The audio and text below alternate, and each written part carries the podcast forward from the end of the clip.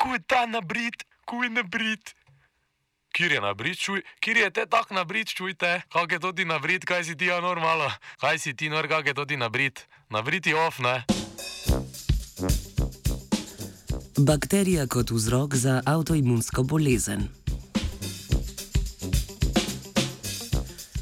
Ameriško-izraelska raziskovalna skupina poroča, da bakterija Enterococcus gallinarum, če zaide iz črevesja v jedra oziroma sistemski krvni obtok, sproži avtoimunski odziv v posameznikih z genetsko predispozicijo za avtoimunsko bolezen.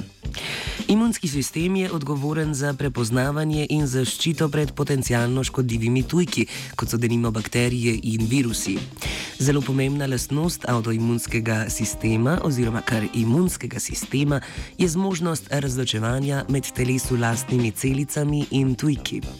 Predtem imajo ključno vlogo. Predtem je rekla, pri tem imajo ključno vlogo limfociti T. Med zorenjem limfocitov T v prižalcu navadno preživijo le tisti, ki ne sprožijo odziva ob interakciji s telesu lastnimi molekulami. V primeru avtoimunske bolezni pa se imunski sistem pretirano odzove na telesu lastne molekule, ker jih pomotoma prepozna kot tujke, ki jih želi uničiti. Bakterija Enterococcus gallinarum je del črevesne flore in navadno telesu ne povzroča nobene škode. Črevesna barijera preprečuje vstop bakterijam v telo. Kadar pride do patoloških sprememb na črevesju ali krvnih žilah, pa se lahko zgodi, da mikrobom uspe prečkati črevesno barijero. V tem primeru skušajo bezgavke in jedra bakterijam preprečiti nadaljno širjenje po sistemu krvnega obtoka.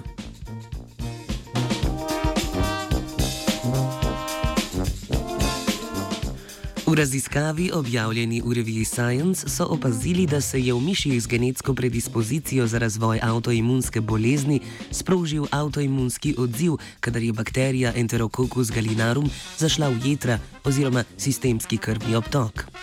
Avtoimunski odziv je vodil v smrt miši. Nastanek avtoimunskih faktorjev so opazili tudi, kadar so v laboratoriji gojili mišje jedrne celice skupaj z bakterijo Enterococcus gallinarum. Če so mišim dali antibiotike, so preprečili smrtnost zaradi avtoimunskega odziva. Opazili pa so tudi, da so ob terapiji z antibiotiki izgini, izginili limfociti T in protitelesa, ki so povzročila avtoimunski odziv. Da je za odziv kriva prav bakterija Enterococcus gallinarum, so pokazali s cepivom. V genetsko predisponiranih miših, ki so bile cepljene proti bakteriji Enterococcus gallinarum, avtoimun, pardon, se avtoimunski odziv ni sprožil. Če so cepili proti kateri drugi bakteriji, pa je prišlo do aktivacije avtoimunskega odgovora. Ja.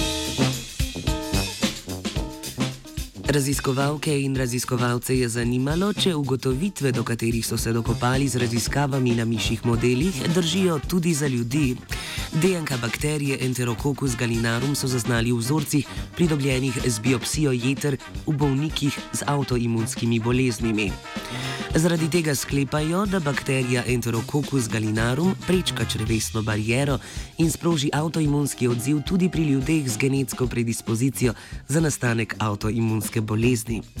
To trditev še dodatno potrjuje dejstvo, da so, ko so v laboratoriju gojili jedrne celice genetsko predisponiranih ljudi skupaj z bakterijo Enterococcus gallinarum, podobno kot pri miših, zaznali nastajanje avtoimunskih faktorjev.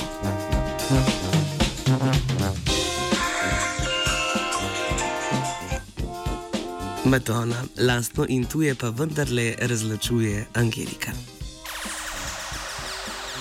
Radio Student.